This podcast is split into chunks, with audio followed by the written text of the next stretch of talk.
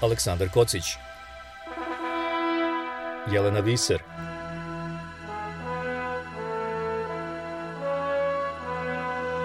Radio Karantin. Hronika istorije u nastajanju Dobrodošli u novi radio karantin, ja sam Aleksandar Kocić. U poslednjem u seriji razgovora o predstojećim izborima u Srbiji, moj gost je Vuk Vuksanović, viši istraživač pri Beogradskom centru za bezbednostnu politiku i saradnik Spoljno-političkog instituta IDEAS Londonskog ekonomskog fakulteta. Sa njim razgovaramo o posljedicama ruske agresije na Ukrajinu, na spoljno-politički položaj Srbije, budućnost odnosa velikih sila i globalizacije.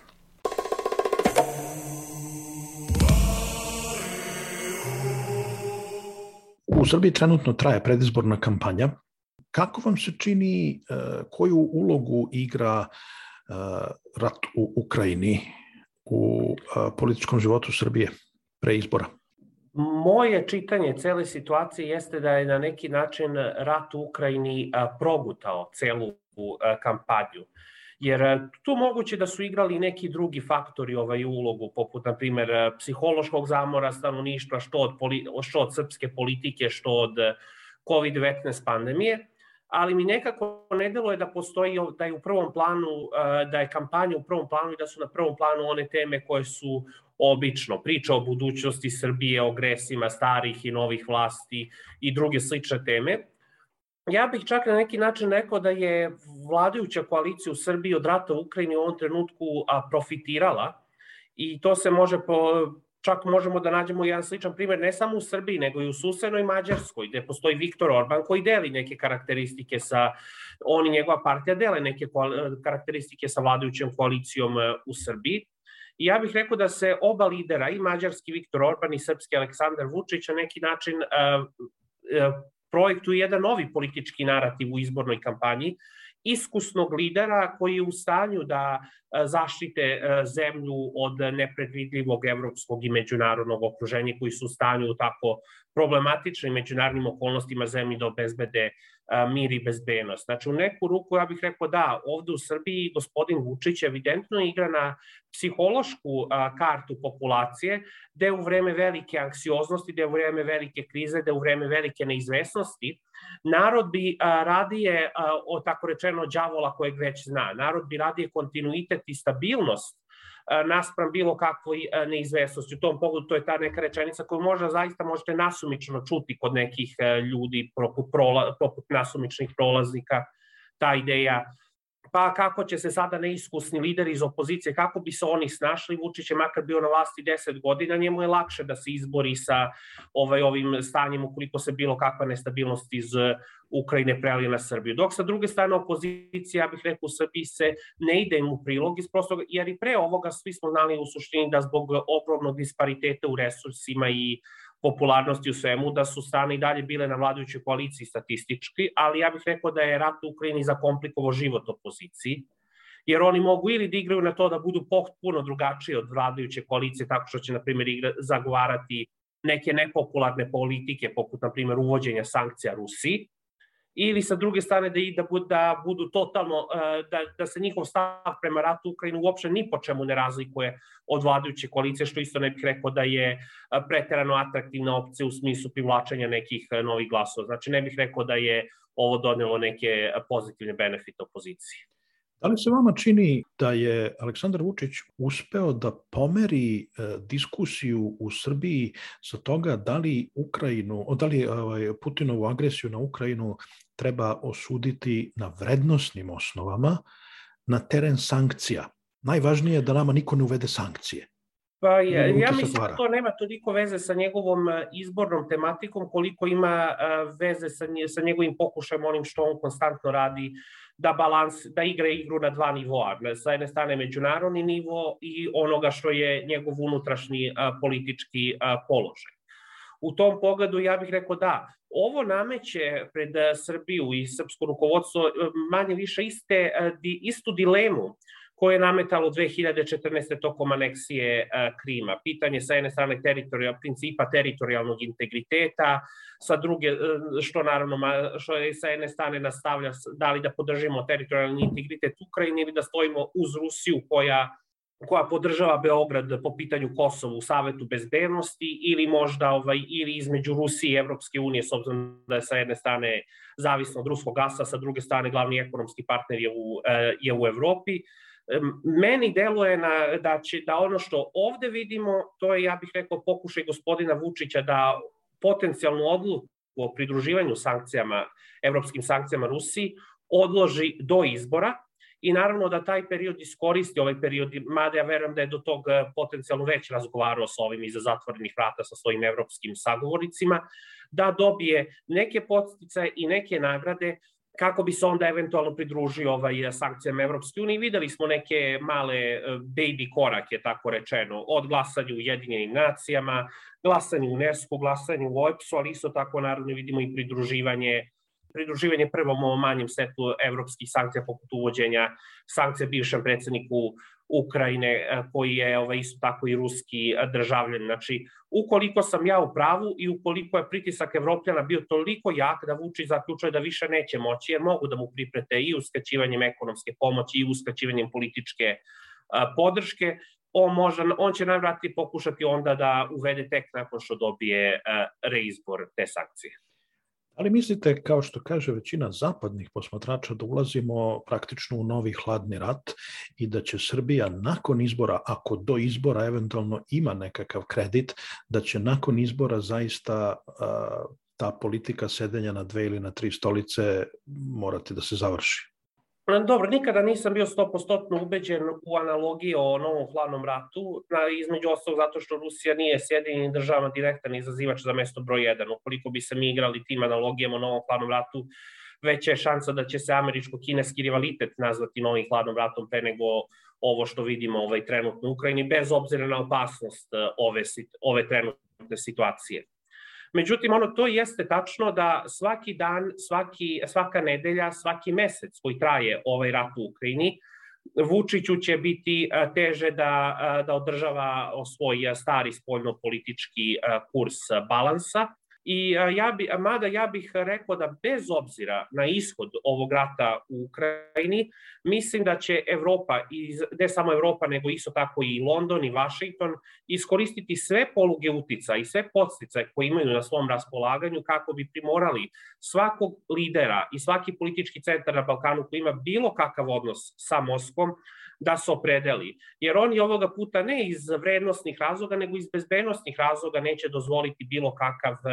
prazan, bilo kakav prazan prostor za bilo kakvu potencijalno rusko mešanje, bilo kakvu slabu kariku. I u tom pogledu mislim da će se koristiti zapad ovoga puta nekim drugim, eh, nekim drugim polugama uticaja nego u odnosu na prošlosti. Jer pre je bilo jednostavno, Evropska unija bi pre rekla pa nećete moći da uđete u Evropsku uniju dok se ne usaglasite sa našom spoljnom politikom,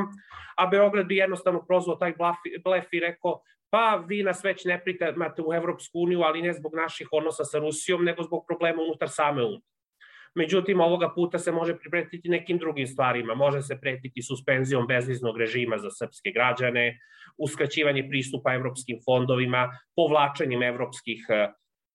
evropskih investitora, što bi sve naravno uništilo tu omiljenu igru srpske, srpske vladajuće koalicije da se igra sa GDP brojkama i da se promoviše uz pomoć ekonomskog rasta pred eh, sobstvenim glasačima. Znači, mislim da će ovoga puta biti neuporedivo teže i sve zavisno, i zavisno od stepena pritiska kojima će Beograd biti izložen, gotovo nemoguće da Beograd ostane neopredeljen još dugo. Mada evo videli smo nedavno da sankcije protiv pojedinih lidera u Bosni i Hercegovini, pre svega Milorada Dodika, nisu prošle u Briselu, verovatno zbog nekakve trgovine glasovima i podrškom oko politike prema Rusiji. Kao što sam rekao, ovo je, ovo je za sada drugačije. Verujem u tom, tom pogledu da nije uopšte isključeno da pojedini lideri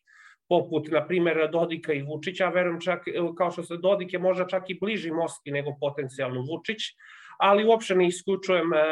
i uopšte ne pocenjujem e, sposobno, kameleonske sposobnosti gospodina Dodika da promeni svoju poziciju. I verujem da kada suma sumarom, uproko svim teatra, političkim teatralnostima lidera kao što su gospodin Vučić i gospodin Dodik, oni su na neki način svi status quo igrače jer oni isto žele samo da nastave da se oslanjaju na evropske e, fondove, jer realno čak i ukoliko bi se te hipotetički gospodin Dodik odcepio, šta bi ostalo od njega i njegove pozicije, ne bi ostalo, ne bi ostalo e, ništa. Znači, verujem u svakom slučaju da, biće pritisak, ali isto tako verujem da će i, po, da će i pojedinačni lideri pokušavati na Balkanu pokušavati da makar prvo, e, prvo tvrde pazar, a onda posle toga da se potencijalno prodaju evropljanima u zamenu za nešto, bilo za skidanje sankcije, bilo za pristup određenim fondovima koji se mogu koristiti kao vid unutrašnje promocije. I, ali naravno isto tako treba reći da postoji naravno i onaj rizik, e, što jeste rizik za šire društvo,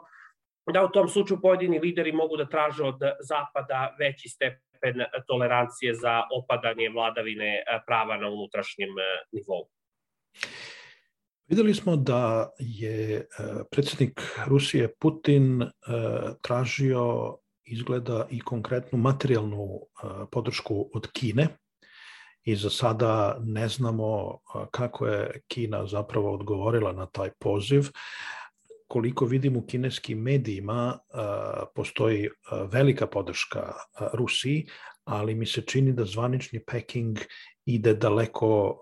ne ide toliko daleko u svojoj podršci Rusiji. Kako vi trenutno vidite položaj Kine u ovoj krizi? Rat u Ukrajini je za Peking doneo neke glavobolje, to je nesumnjivo zato što je to bio, on je bio ovaj e, dobar, e, Peking je veoma profitabilan partner ne samo Moskve, već isto tako i u Kijev, e, Kijeva, gde su investirali u poljoprivredno zemljište u Ukrajini, investirali su u neke industrijske pogone ukrajinske koji datiraju iz sovjetske ere, gde se proizvode neki određeni pogoni za vojnu industriju. Znači, dva velika partnera su u sukobu i Kini se svakako to ne sviđa, kao što se Kini ne sviđa potencijalno komadanje Ukrajine zbog eh, njenog pozivanja na, teritorijalni, na princip teritorijalnog integriteta. Eh, međutim, naravno, mi so tako vidimo iz Pekinga dolaze neke eh, kritike NATO-a, poput recimo prakse proširenja NATO-a na istok, jer Peking u tome vidi analogiju sa američkim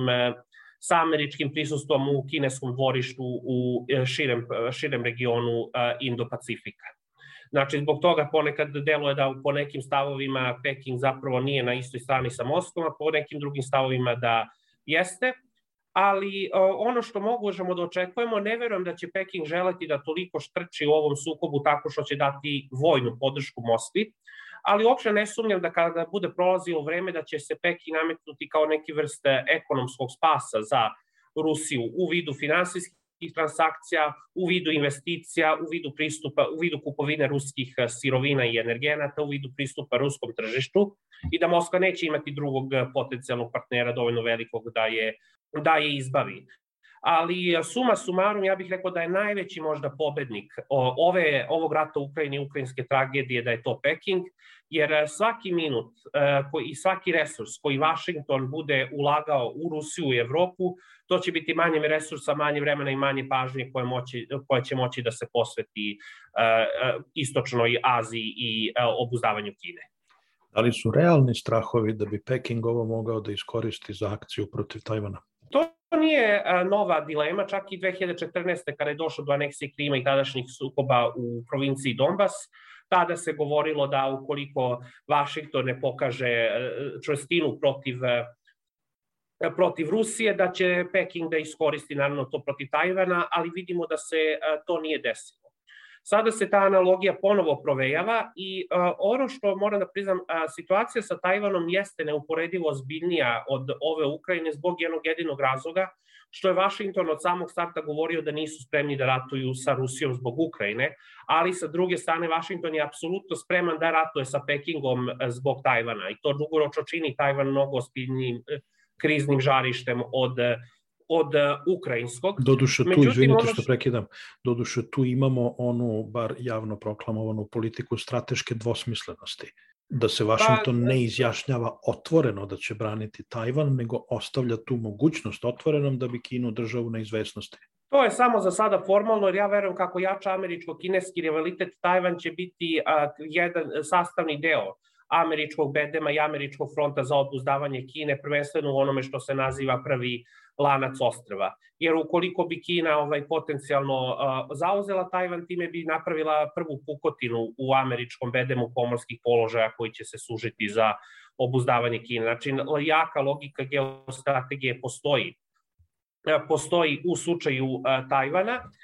i samim tim ja bih rekao da, Kinezi ovo paživo proučavaju ovaj sada slučaj Ukrajine i reakcije Zapada i ono što će oni svakako da rade to je da vide, proučavaće kakve će efekte zapadne sankcije imati na Rusiju, što znači da će oni dugoročno raditi na tome da izoluju svoju ekonomiju od bilo kakvih ekonomskih šokova i da je učine otpornijem na bilo kakve buduće sankcije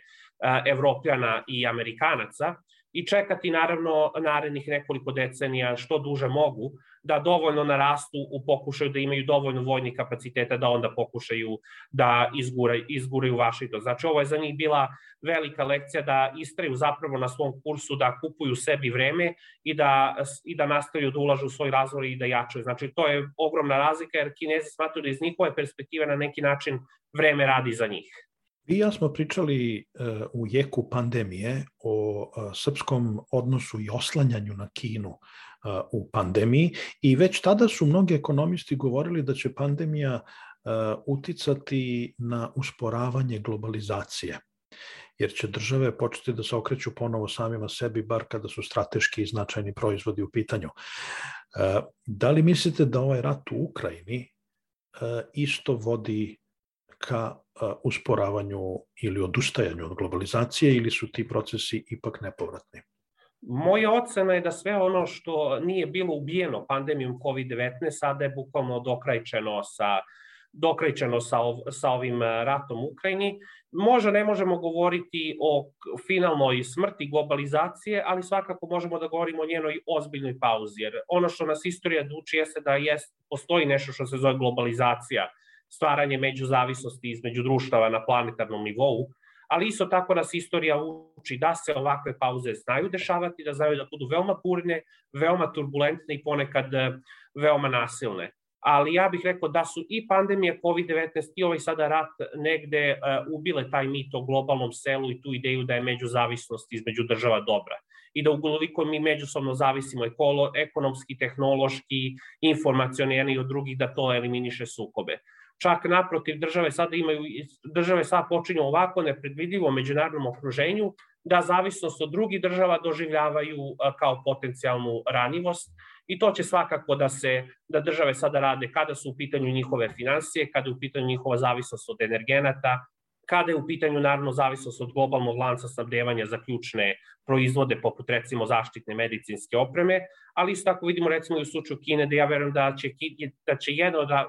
naporu koji će Kina da ulaže posle ovog rata, to je da više ne bude zavisna od eh, Sjedinjenih država i Silikonske doline kada se radi o uvozu poluprovodnika koji su ključni za proizvodnju najosetljivijih i najsofisticiranijih eh, tehnologija u, eh, u Kini. Znači da, mi se viđamo proces u kojem će se države ulagati žestoke napore u neki vid svoje uh, ekonomske autarkije i nezavisnosti. Čist, ne, naravno, ne verujem da će ikada bilo koja država moći da ostari 100% stepen takve nezavisnosti, ali u svakom slučaju uh, verujem da, ono, da sve one metafore koje smo pre, pre ovaj, slušali zadnjih decenija, na primjer onog o globalnom selu, više neće, više neće biti relevantne. I da vas pitam još ovo,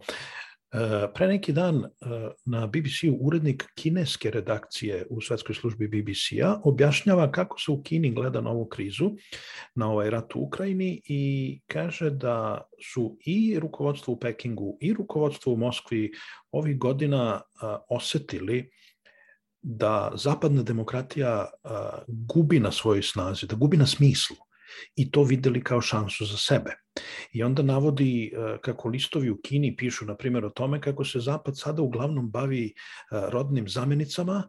i time ko će imati pristup kojim WC-ima, kojim toaletima da su to potpuno poremećene vrednosti iz njihove perspektive, gde onda oni vide šansu za svoj nametanje svog alternativnog modela društvenog uređenja. E, slagali se mi sa tim ili ne, e, zanima me da li mislite da je ova kriza šansa ili čak nužnost za zapadne demokratije da se ponovo uspostave kao jedan dominantan skup vrednosti i da pokažu da, da pokažu ostatku sveta da ovo jeste zaista najbolje društveno uređenje koje imamo. To je meni uvek bila mač sa dve oštrice kada vi e, međunarodne rivalitete isključivo ovaj retorički uh, uokvirite u te kate, binarne kategorije autoritarizam protiv uh, diktature, jer realno onda uh, i vi možete isto tako da upadnete u uh, u tako rečeno u ideološke i moralne isključivosti i da onda samim tim ovaj, niste skloni kompromisima koji su i tekako ponekad neophodni da biste vi opstali u svetskoj politici. Ali ono što jeste činjenica jeste da iako su zaista nekada čak i režimi poput onih, onog u Moskvi i Pekingu, možda ne u svakoj, svakoj svojoj oblici, ali su veoma često uzimali ovaj, mnoge zapadne prakse kao vid, e, kao neki reper, kako oni treba da napreduju. Mnogi krize koje smo videli na zapadu proteklih godina negde su ovaj motivisale te režime da kažu ovo nije budućnost, mi moramo neku našu, neku našu budućnost eh, da formiramo. I to jeste, možda ona je ključna dilema za Zapad, jeste da će morati da shvate da ukoliko žele da se takmiče sa režimima kao što su onaj, eh, kao što su onaj u Moskvi, ali mnogo važnije kao što je onaj u Peking, oni će na prvom mestu morati da eh, počiste svoje dvorište, jer veoma je teško, jer uprkos tome što da, Zapad i dalje ostaje izuzetno atraktivno mesto za mnoge od nas, kao što možemo da prepostavimo u zemljama kao što je u Srbiji, ne, nema, ne, nema mnogo njih koji migriraju u Peking ili Moskvu, ali isto tako moramo, Zapad isto tako mora biti svestan nekih svojih neuspeha u proteklih godinu dana i da bude sposoban za introspekciju i, i da uloži u napore da opravi svoje dvorište pre nego što uopšte dođe u poziciju da se na međunarodnom uh, planu takmiči sa takvim igračima kao što je Kina. Oh, yeah. Radio karantin. Bio je to Vuk Vuksanović u razgovoru za Radio Karantin. U ovoj seriji razgovora o izborima u Srbiji moji prethodni gosti bili su britanski novinar Alex Error, urednik TV kanala Newsmax Adria Slobodan Georgijev i politikolog Dejan Bursać. Razgovore sa njima naći ćete na istoj platformi na kojoj slušate i ovu emisiju ili na našem sajtu radiokarantin.eu. Čujemo se. Aleksandar Kocić Jelena Viser